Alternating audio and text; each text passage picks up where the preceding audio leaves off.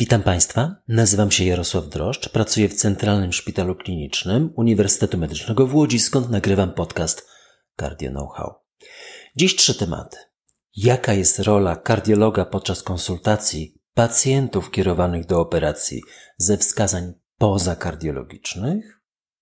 Najnowszy raport statystyczny American Heart Association, no i odpowiedzi na Państwa pytania. Sytuacja jest częsta. Pacjent mający wskazania do operacji chirurgicznej poza samym sercem, przykład usunięcie pęcherzyka żółciowego, z pewnych względów pojawia się koncepcja zwrócenia się do kardiologa z prośbą o konsultację. Bardzo częsta sytuacja w wieloprofilowych szpitalach, gdzie jest i oddział chirurgiczny, i oddział kardiologiczny. No i coraz częściej też do skierowania na oddział chirurgiczny dołączana jest informacja o niezbędnych badaniach przed przyjęciem do szpitala, gdzie widnieje to magiczne konsultacja kardiologiczna. No, zacznijmy od typowych błędów. Kardiolog uznaje, że wymaga się od niego wykluczenia wszystkich chorób układu sercowo-naczyniowego. No i właśnie nadszedł czas na porządną diagnostykę kardiologiczną. Pojawia się kolejna informacja w ręku pacjenta. Skierowanie na badanie holterowskie, na próbę wysiłkową, a nierzadko po prostu na koronarografię. No nie trudno sobie wyobrazić, że nie dość, że te badania nie są powszechnie i praktycznie dostępne, jak nie trudno spotkać sytuację, że nie wszystko będzie idealnie wyglądało po ich przeprowadzeniu. No co robić, gdy w zapisie holterowskim pojawi się krótki wprawdzie, no ale często skurcz nadkomorowy 8 pobudzeń o częstości 130 czy 150 na minutę. Bezobjawowy. Lub zwolnienie częstości rytmu do 35 na minutę w nocy a w próbie wysiłkowej 1 mm obniżenia na ścianie bocznej. No jeszcze gorzej wygląda sprawa, gdy dojdzie rzeczywiście do koronarografii, w której zdiagnozuje się np. 70% zwężenie tętnicy okalającej i implantuje się stent. Czy powyższych rzeczy nie należy leczyć? No ale zadajmy sobie pytanie, jakie to ma przełożenie na rokowanie naszego chorego. Przypominam, przewlekły zespół wieńcowy w tle i przezskórna rewaskularyzacja. Żadne. Szczególnie gdy w pęcherzyku żółciowym rozwija się choroba nowotworowa. Czy można po angioplastyce wieńcowej przeprowadzić operację jamy brzusznej? No jak długo należy czekać? No pomijam tu fakt wykonywania badań, na które czeka się dość długo w kolejce i co blokuje dostęp bardziej potrzebujących. I o kosztach. O tym rzadko się myśli, ale zawsze zwracam uwagę na to.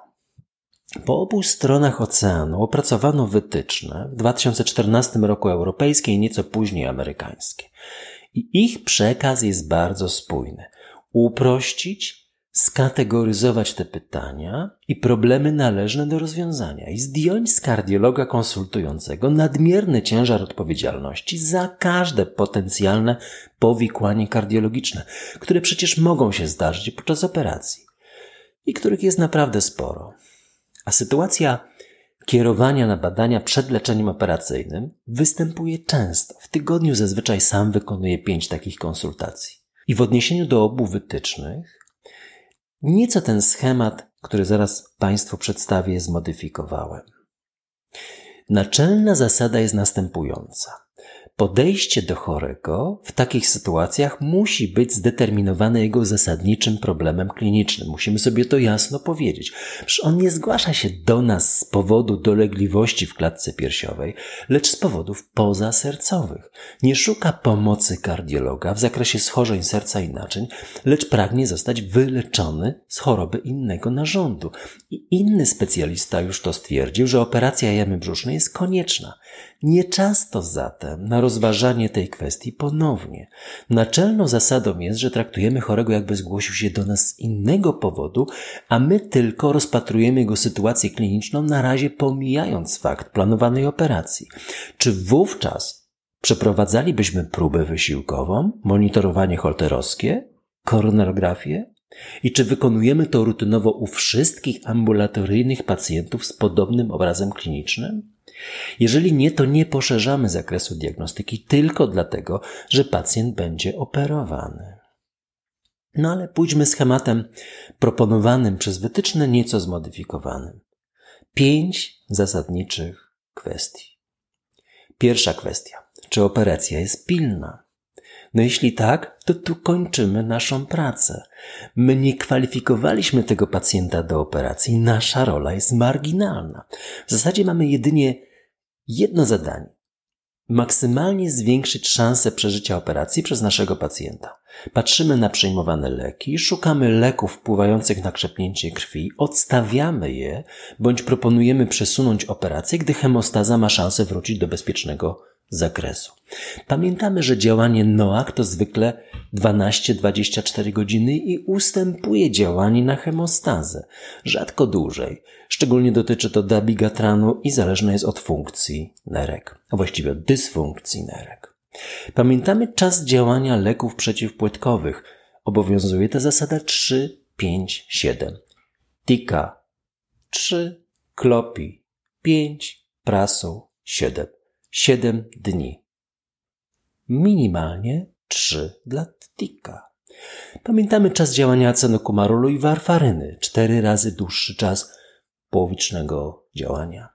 Oraz substytuujemy dożylnie witaminę K, gdy jest to konieczne. I z reguły pozostawiamy ASA, gdy mamy do tego leku ścisłe wskazania kardiologiczne, a odstawiamy, gdy te wskazania są względne, bądź operacja bardzo szczególna, na przykład w zakresie ośrodkowego układu nerwowego. No i jeszcze beta-blokery. Dawniej mówiło się o ich korzystnym działaniu na postresowe czy stresowe powikłania ze strony serca. Tak, ale wywołują hipotonię, czasem bradykardię, czasem oba te działania naraz i zwiększają liczbę powikłań okołozabiegowych. To zostało stwierdzone bodaj 10 lat temu. Dziś jest prosta zasada. Jeśli pacjent je przyjmował przewlekle, beta-blokery, to pozostawiamy, modyfikując jedynie dawkę tak, aby nie spowodowały bradykardii ani hipotonii w okresie okołozabiegowym. A gdy ich nie przyjmował, nie włączamy. Inaczej statyny, gdy są wskazania, podajemy je nawet tuż przed zabiegiem, ponieważ to poprawia rokowanie. Z reguły też redukujemy dawki wszystkich leków hypotensyjnych, obawiając się hipotonii okołozabiegowych bardziej niż skoków ciśnienia. Ale czynimy to dopiero w ostatniej dobie przedoperacyjnej. I jeżeli na to pierwsze pytanie, czy operacja jest pilna, odpowiadamy nie, przechodzimy dopiero wtedy do pytania numer dwa. Pytanie numer dwa jest równie proste. Czy pacjent ma ostry zespół wieńcowy, ostrą niewydolność serca, groźne dla życia zaburzenia rytmu czy przewodnictwa i objawową wadę serca. Tak? Cztery zasadnicze kwestie. Na przykład wstrząs w przebiegu wady aortalnej. No, ostry zespół wieńcowy to jasne. Jeżeli występuje tu jakakolwiek ze wspomnianych wyżej klarownych sytuacji klinicznych, sprawę również mamy jasno. Pacjent należy do nas, kardiologów, no nie jest kierowany do operacji pozasercowej dopóty, dopóki nie zaopatrzymy zasadniczego, groźnego dla życia problemu serca.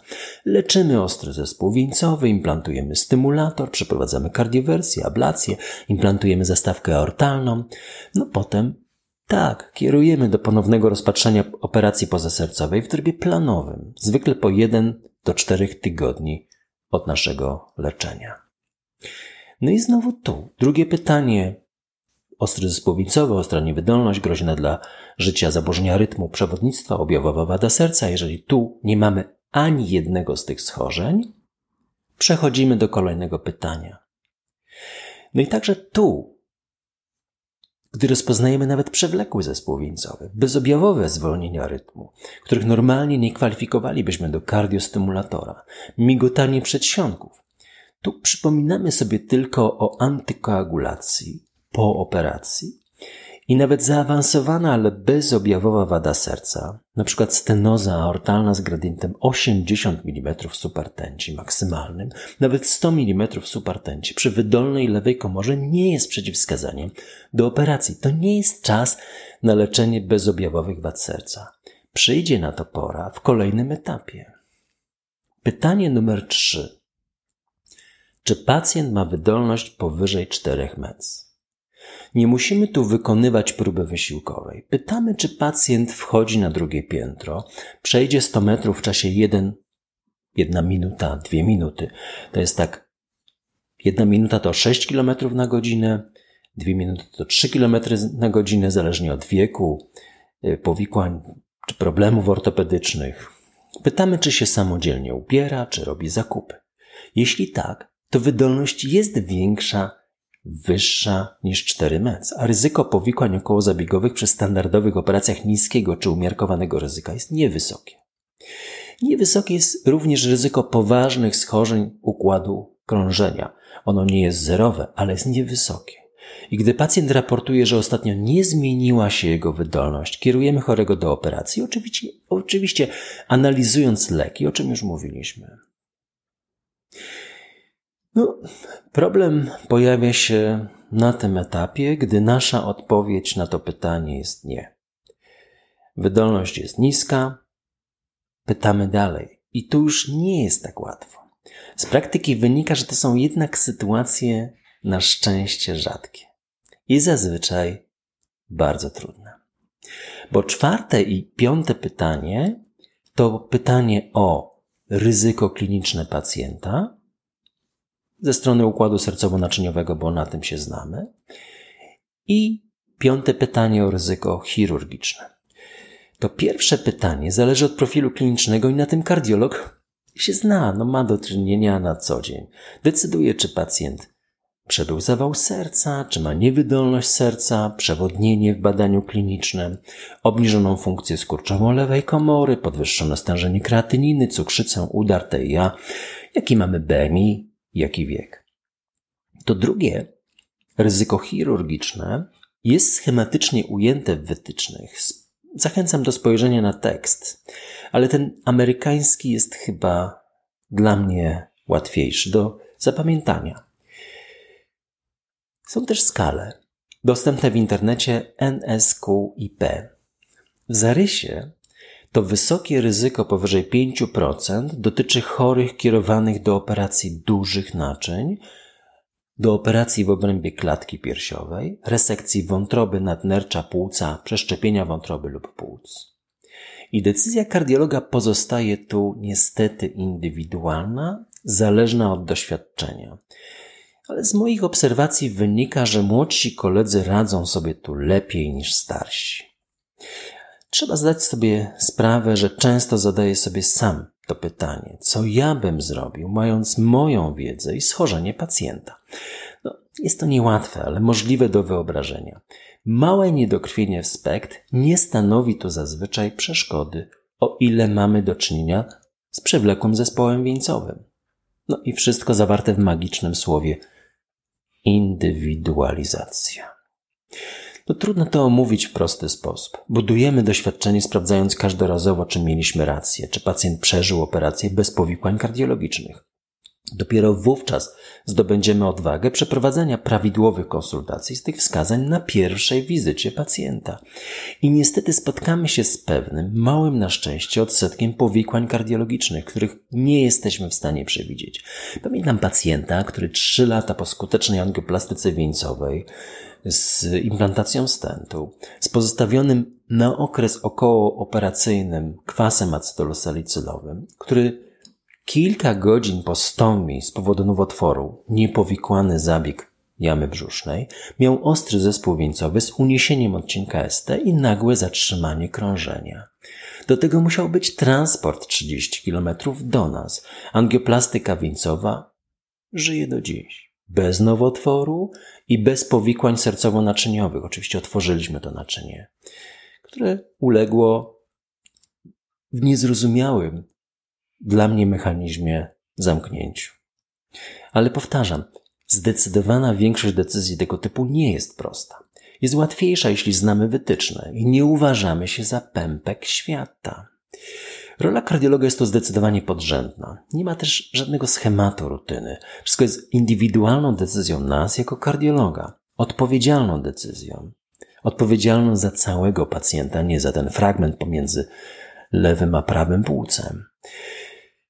I ten pacjent i kardiolog ma też co robić poza konsultacją kardiologiczną przedoperacyjną.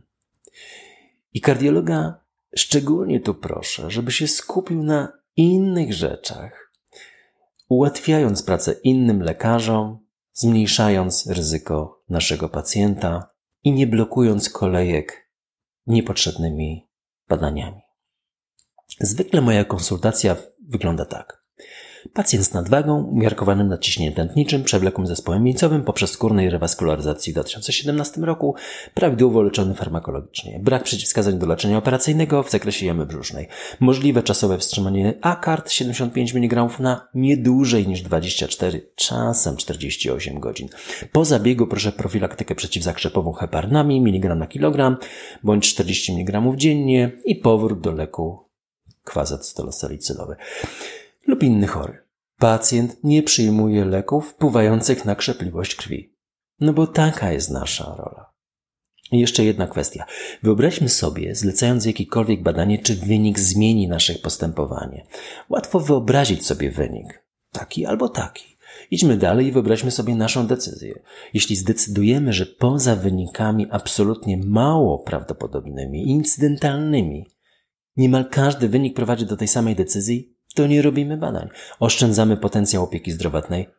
Mamy na, ten, na czym ten potencjał skupić. Na czym? Dług zdrowotny. Chcemy działać? Super. Skróćmy kolejki do lekarzy w ambulatoriach, ale nie marnujmy naszych sił całej opieki zdrowotnej na bezrefleksyjnym badaniu pacjentów, którzy zupełnie przypadkiem trafili do nas, kardiologów, i zamknijmy problem konsultacji przed zabiegiem niekardiologicznym na jednej wizycie ambulatoryjnej i badaniu klinicznym. Temat drugi. Każdego roku na początku pojawia się nowy raport statystyczny American Heart Association. Zawsze wnikliwie go czytam. Co się zmieniło, jakie są nowe doniesienia z najlepiej zbadanego pod tym kątem lądu na kuli ziemskiej. Tegoroczny raport obejmuje ostatni rok przedepidemiczny, stąd tak ważny jest to dokument. 2019. Oczywiście data publikacji to połowa stycznia tego roku. 200 zgonów serca rocznie na każde 100 tysięcy ludzi. 47% dorosłych Amerykanów ma nadciśnienie. Jedna czwarta dostatecznie się porusza w znaczeniu aktywności fizycznej. Jedna siódma pali tytoń. No i co piąty nastolatek amerykański palił e-papierosa w ciągu ostatniego miesiąca zatrważające. Ale zwykle na początku skupiam szczególnie się na jednym wykresie liczba zgonów sercowo-naczyniowych w Stanach Zjednoczonych. Mamy to przed oczami. Od 1900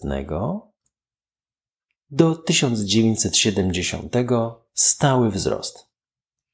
W roku 1920, 100 lat temu, było ich 100 tysięcy. Teraz mamy 10 razy więcej.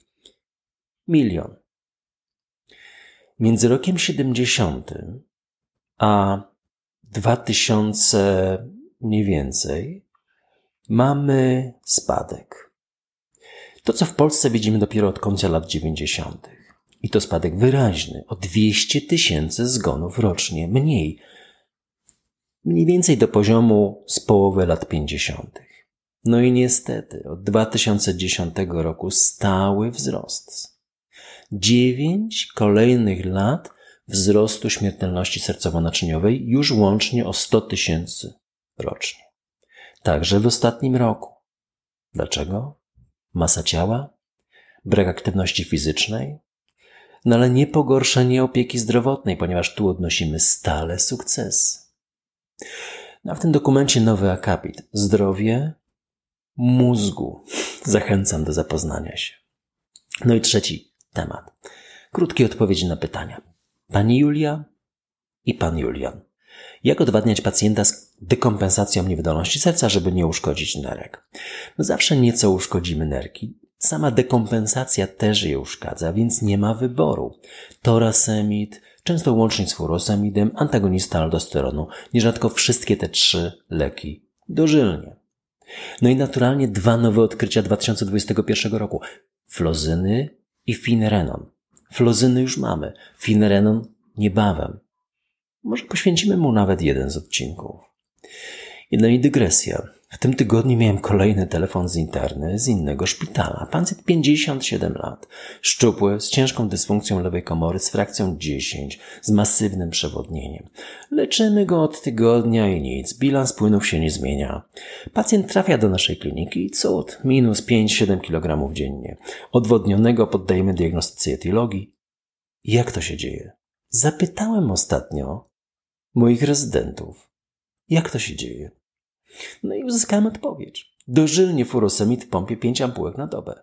Dożylnie torasemid 20 mg na dobę i równolegle dożylnie aldakton. Nawodnienie, potem wielka piątka i dalsza ambulatoryjna diagnostyka.